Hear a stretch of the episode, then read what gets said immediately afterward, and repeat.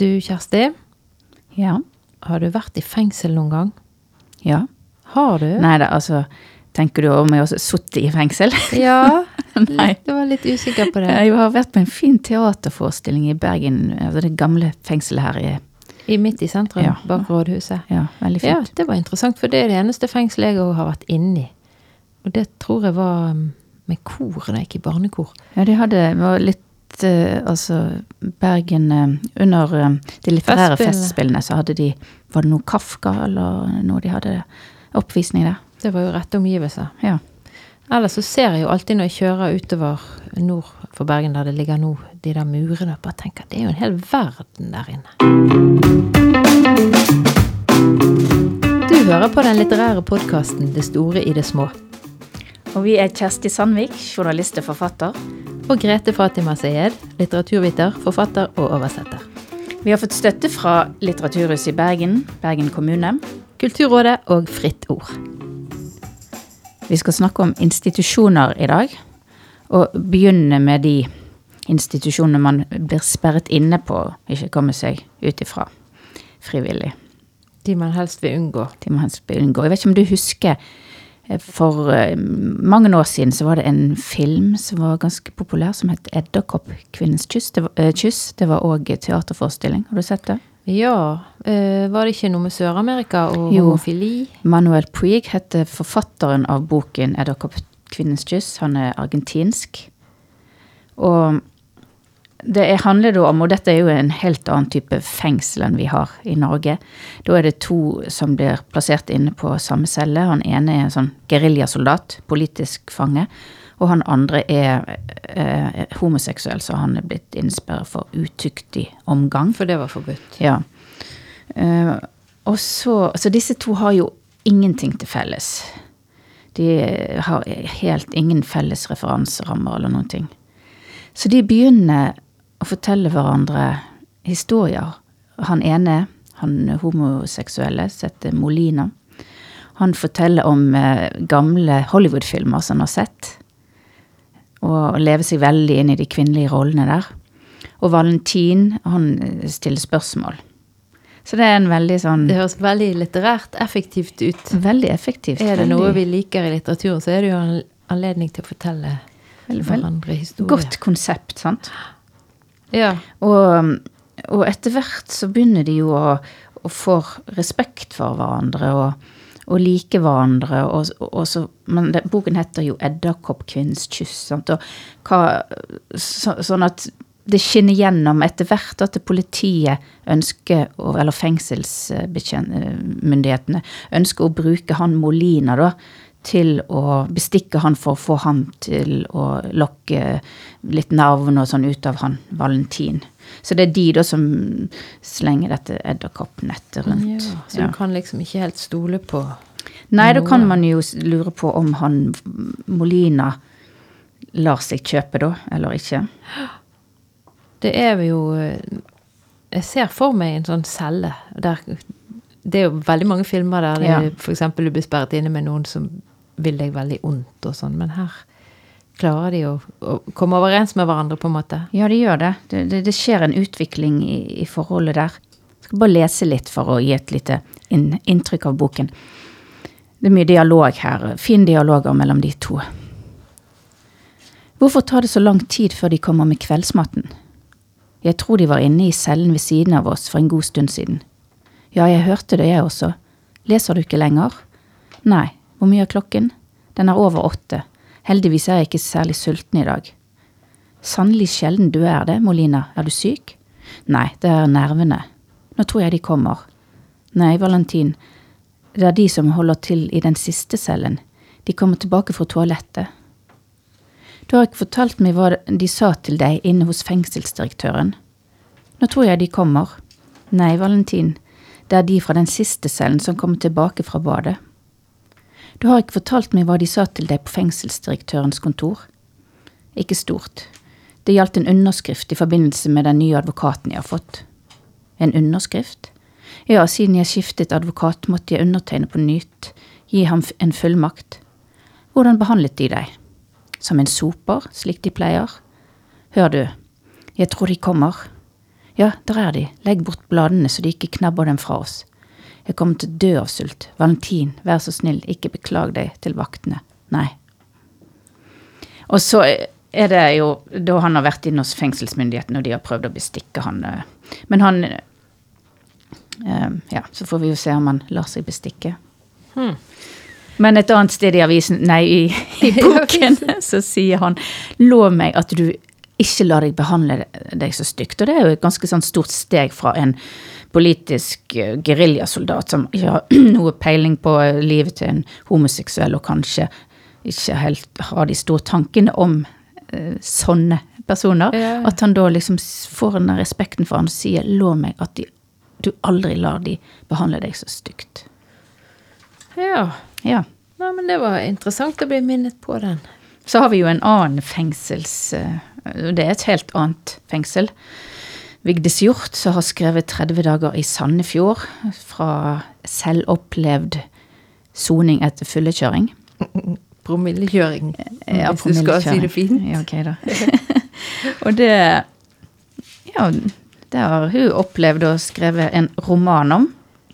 Hun har fått litt kritikk eh, for det, da har jeg eh, lest, men jeg likte Hva gikk, var det fordi at uansett hva hun opplever, så skal hun skrive bok om det? Nei, liksom? men det, gikk litt på det at eh, hun var så utrolig liksom hevet over, og Mm. de andre så At hun var en slags Innsatte. observatør, sånn nesten Ja. sosialantropolog inni der. Og, og det er jo litt òg Altså, hun sitter på et, på et tidspunkt så sitter hun rundt bordet, for hun er dramatiker, hovedperson her, da. Sitter eh, rundt bordet inne blant de innsatte, og så får de vite at eh, hun De fleste der er jo gjengangere, det er narkomane, det er mor og datter, altså folk som er på en måte langt nede, og de soner, og de er ute en stund og kommer tilbake. sant? Ja.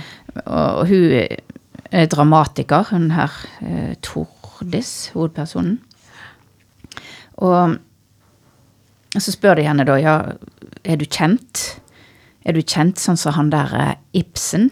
Ja. Ja, og da liksom får du sagt litt eh, da om den kulturelle bagasjen til de andre innsatte. Syns jo ikke det var ille å kunne nevne en Han der, norsk Ibsen. dramatiker. Nei, det er jo ikke det.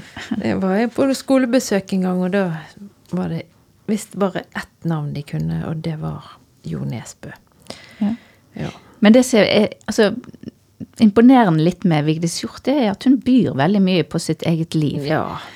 Og den der eh, andre vil vel kanskje heller prøve å holde det skjult at man drikker litt for mye, mens hun på en måte Kjører på. Ja, nesten motsatt. Og jeg var her faktisk på sånn forfattersamtale, eh, mor-datter mellom henne og datteren Line nå i Bergen, for ikke så lenge siden. Og da fortalte hun eh, datteren da at hun Eller var det moren som fortalte, jeg husker ikke. At når hun var to, åtte år eller noe sånt, skulle ha ligge, eller overnattingsbesøk av en venninne. Og så sier den åtteåringen til eh, moren, men mamma, vær så snill, ikke drikk, da. Og det, det var moren som fortalte det, og moren ja, selvfølgelig gjorde det vondt. ja, selvfølgelig. Og så sier datteren ja, men jeg kunne si det til deg. Jeg fikk lov til å si det til deg. Og det var liksom forskjellen. Det var ikke noe ja, skam Eller det var sikkert skambelagt, Nei, ja, men det var ikke tabu Ja, å si det. det tror jeg er veldig sunt. At det tross alt man, man kan snakke om ting og ikke bare gå og gnage på dem. Mm. Nei, og familien er jo en institusjon som, eh, der det foregår både de beste og verste ting vi kan forestille oss. Ja.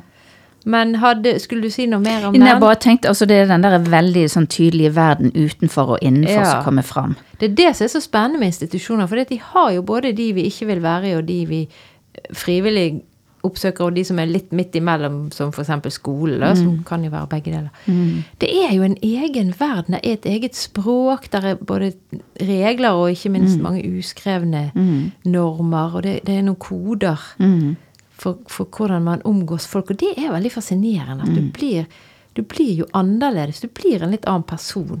Og, og det som blir veldig tydelig og jeg synes jeg, i denne boken, det er altså de, sitter, de sitter og syr på systuen, og alt sånt, og sitter og snakker. Og de andre an, innsatte, da, de snakker jo om gode tripper, eller hva det heter, de har yeah. hatt. sant? Og, og gleder seg til de kommer ut igjen, og hva, hvor de skal få tak i. Altså, De har ikke noe annet å gå på, det gå til. Og det er jo egentlig veldig forståelig.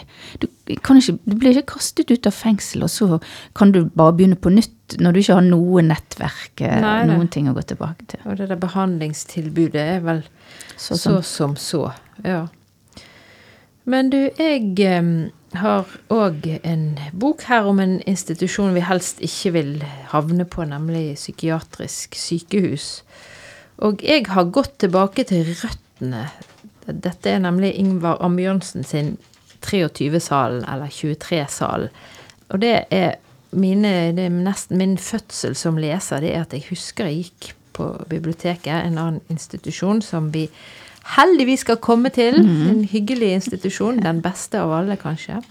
Men eh, når jeg var sånn tenåring, så gikk jeg og så på ryggene på bøkene etter de som var fra et forlag som het Forfatterforlaget, tror jeg det var. Husker du det? Nei. Det var liksom, det var frikere, og det var sånn radikalere motkultur som ikke jeg hadde tilgang til i mitt småborgerlige bergenshjem. Men det var jo blant annet Ambjørnsen, og det var den tidlige Lars Abbe Christensen, Elin Brodin, og han Gudmund Vindland som også skrev om homofili. Det var litt pseudonym. Og så hadde de et tidsskrift som het Dikt og datt. Men i hvert fall, jeg tenkte når jeg skulle finne noe om institusjonen, at det hadde jeg lyst til å, å se hva jeg leste som, som ung. Og det er jo eh, Dette er et psykiatrisk sykehus som Boken er fra 1981, og det er liksom ikke så veldig progressivt, det som foregår her. Det her er det oppbevaring og medisinering og tvang og vold, belter og belter til de får liggesår av. og, og Det er, det jo litt selvopplevd, eller vet man ikke? Ja, han har jobbet der. Eh, og det som han sier om det selvopplevde For vi skal ikke gå så veldig i detalj med, i boken. Det er jo individet mot overmakten. Det handler om en ung mann, som da er basert på Ambjørnsen sjøl, som får seg jobb på Lier sykehus utenfor Drammen. Og det han oppdager, da, som kommer blåøyd og naiv inn og ser for maktmisbruk og for eh, Ja, altså hvordan systemet ikke eh, tar hensyn til enkeltmennesket, da.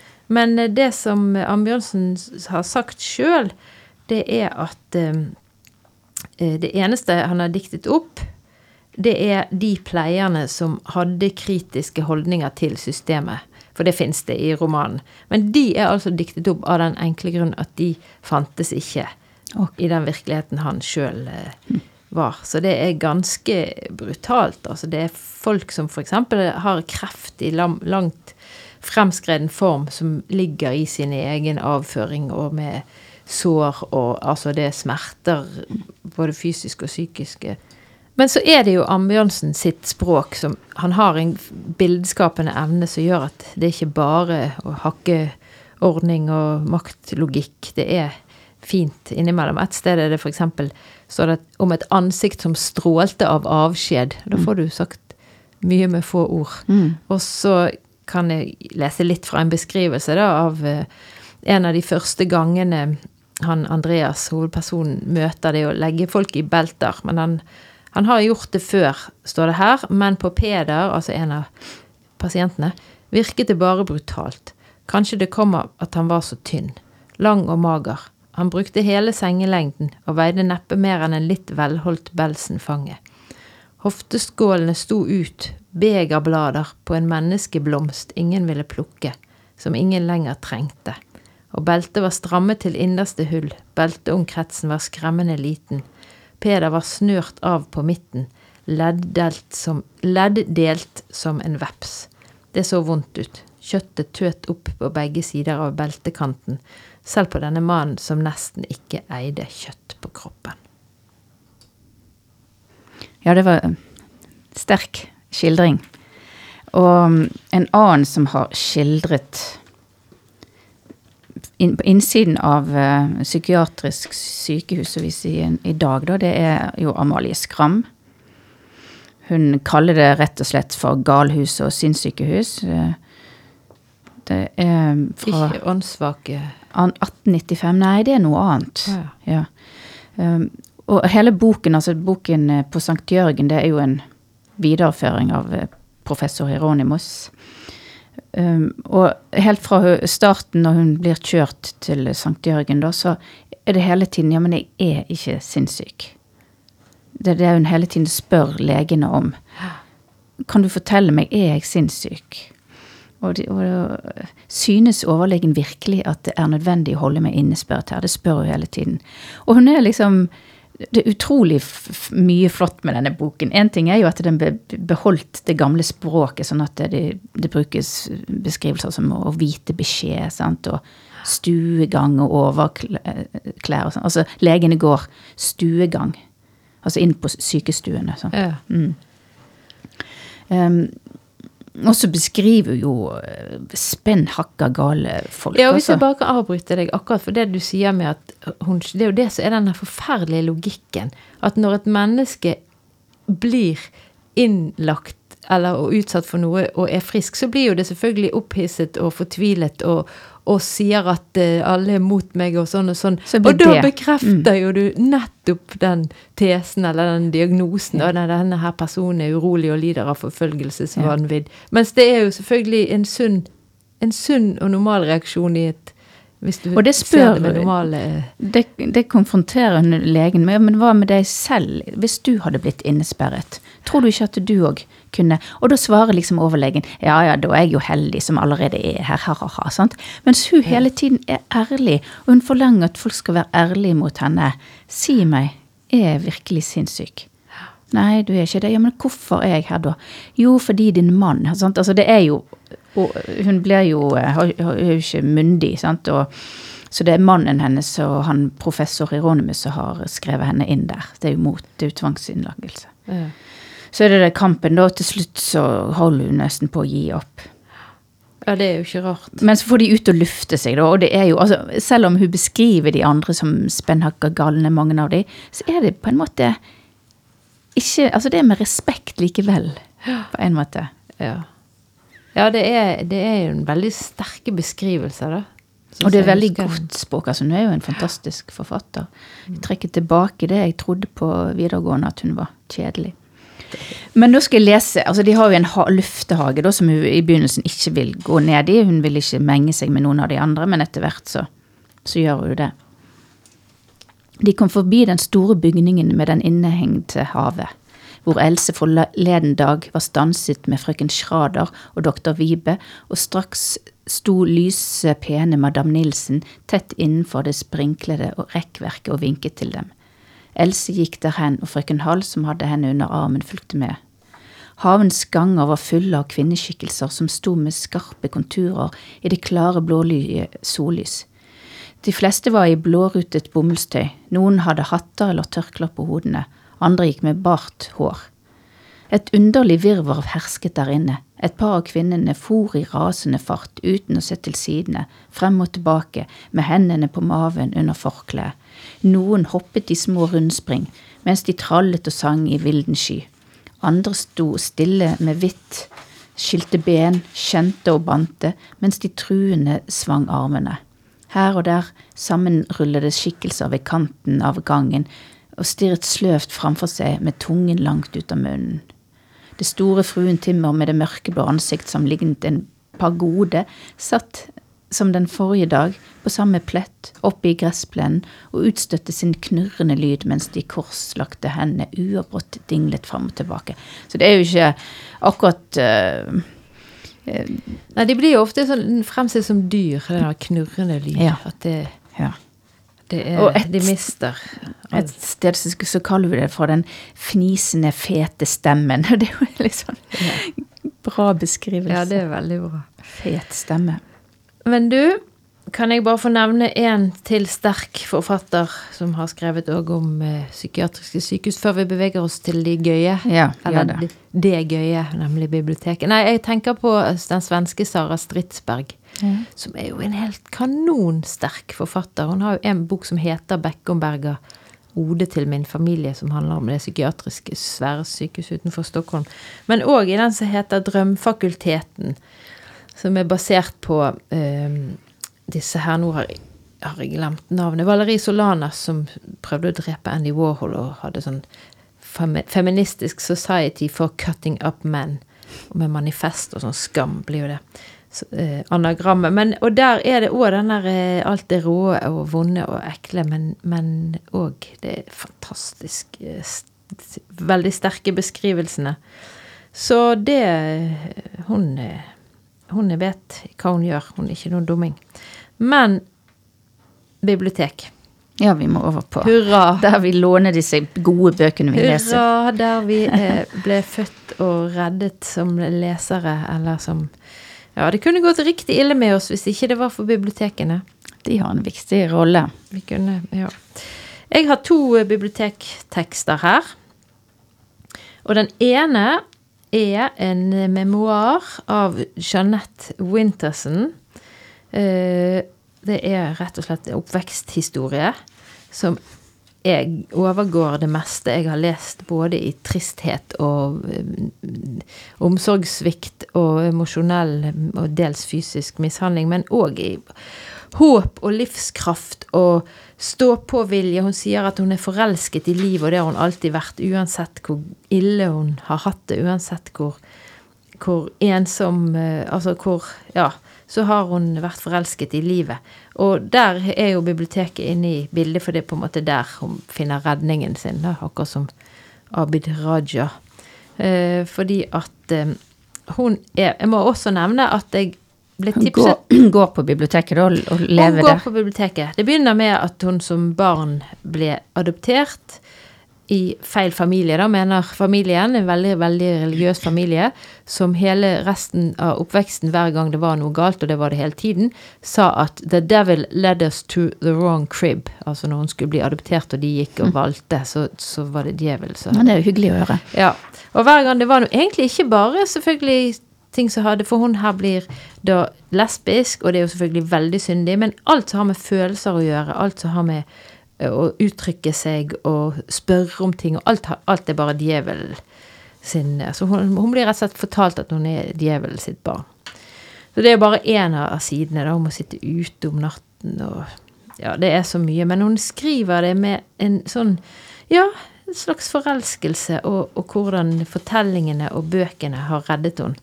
Og det jeg skulle nevne, var at jeg ble gjort oppmerksom på denne boken i en bok av Inger Bråtveit, som jeg òg syns er en, eh, en veldig god forfatter. Så det er forfattere som skriver om andre forfattere, der er det, da er det bare å løpe på biblioteket. For jeg kjente ikke til henne fra før. Selv om hun har Hun er veldig kjent for å ha skrevet en roman som også er selvbiografisk. Som heter Og den her òg er selvbiografi? ja da, dette er en slags memoar. Men den romanen heter 'Oranges Are Not The Only Fruit'. Og den eh, slo hun gjennom med som ganske ung.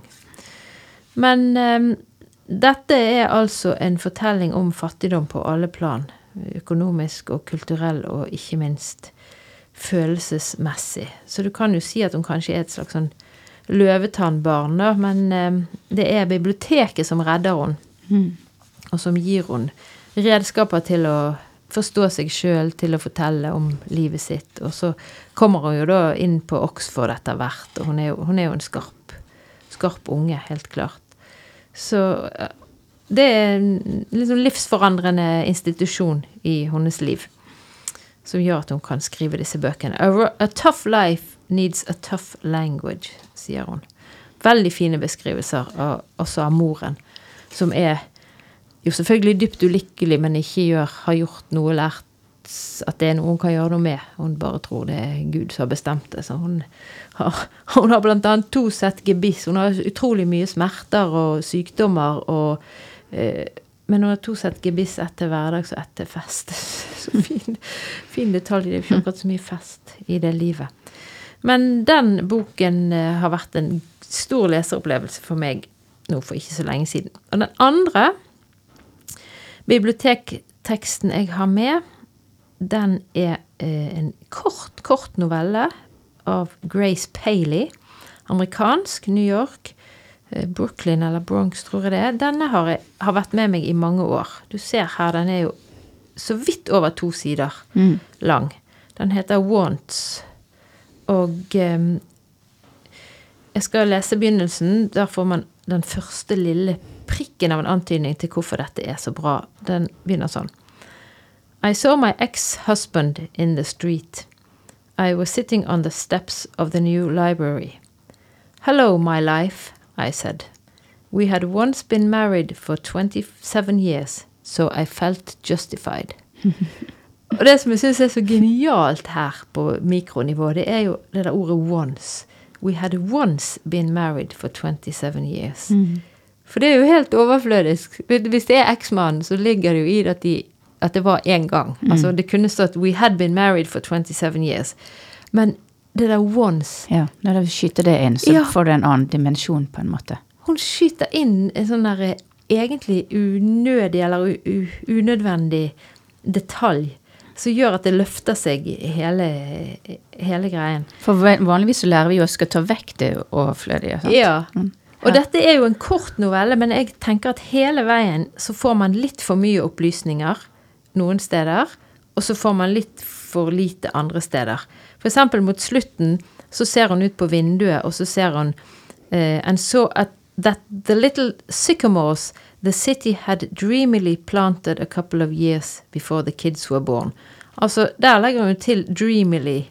The city had dreamily planted. Det er jo helt sånn absurd liten detalj som igjen løfter det. Mens andre steder så får vi ikke vite Altså, for det første, hvorfor sitter hun på trappen utenfor det nye biblioteket? Ikke det er litt spesielt å gjøre for en voksen Du kan dame? heller gått inn, liksom. Ja. Liksom, Eller på en kafé, eller Ja, eller annet. hvorfor sitter hun der og henger? De har jo nesten ikke trapper lenger heller. Nye, altså, det går nesten alltid inn på gateplanet. Ja, men dette er jo noen år tilbake, da. Okay. Men så syns jeg Hvis jeg bare skal ta Nå ødelegger jeg jo på en måte litt av handlingen, men som sagt, jeg har lest denne novellen tusen ganger, og den er god fremdeles. Det som skjer da, er at mannen avviser henne litt og sier sånn Nei, eh, hva mener du, liksom? Han var ikke noe glad for å se henne. Og så går hun inn, og så sier hun, spør hun bibliotekaren hvor mye hun skylder de. Så skylder hun 32 dollar, og det er jo ganske mye selv i dag. And you've owned it for 18 years. Ja vel? Her er det noe med tiden, altså. Det er en lang tid som har gått, og hva har skjedd? i- Så, så eh, sier hun eh, nei, jeg nektet jo ikke for noe, fordi at Because I don't understand how time passes. I have had those books. I have often thought of them, sier hun. Uh, og så, etter at hun har levert de inn, så låner hun de ut igjen. altså hun låner de tilbake. Og da uh, viser det seg det er to bøker av Edith Wharton som jeg mener bestemt vi har nevnt tidligere i denne podkasten. Men eh, da kommer jo eh, Ja, jeg kan, ikke, jeg kan ikke nevne alt, men jeg må lese ett lite avsnitt til her fra begynnelsen. fordi at det mens hun eh, da går inn i biblioteket, så følger denne eksmannen etter henne. Av en eller annen grunn. Og så sier han ehm, Ja, det er rett og slett veldig morsomt. Jeg skal lese. My ex-husband followed me to the book returned desk. He interrupted the librarian who had more to tell. Altså dette er etter at bibliotekaren har sagt du skylder 32 Ja. dollar. Og du har hatt det i 18 år. 18 år. Så hva more to tell hun har, det vet ikke jeg. Men så fortsetter eksmannen da.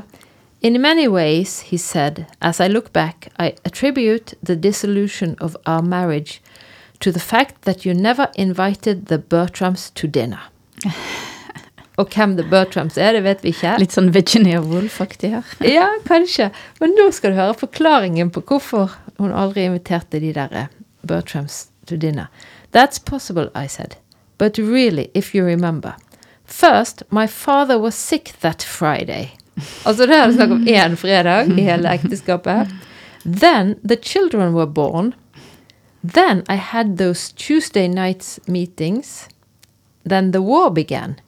Then we didn't seem to know them anymore. But you're right, I should have had them to dinner. Så det er veldig absurd. Liksom den ene fredagen versus at de fikk barn og at det ble krig og sånn. Jeg må bare få rette meg sjøl. Jeg mente Who's Afraid of Virginia Woolf. Altså Albi. ja. Altså, litt Ja, ja, assosiasjoner Der til kommer de på middagen. Ja. Ja. Nei, og så kommer det da Det er litt mer eh, eh, samtale mellom eh, bibliotekaren og mellom denne eks-husband. Før det hele bare på en måte avslutter nesten like absurd som det begynner.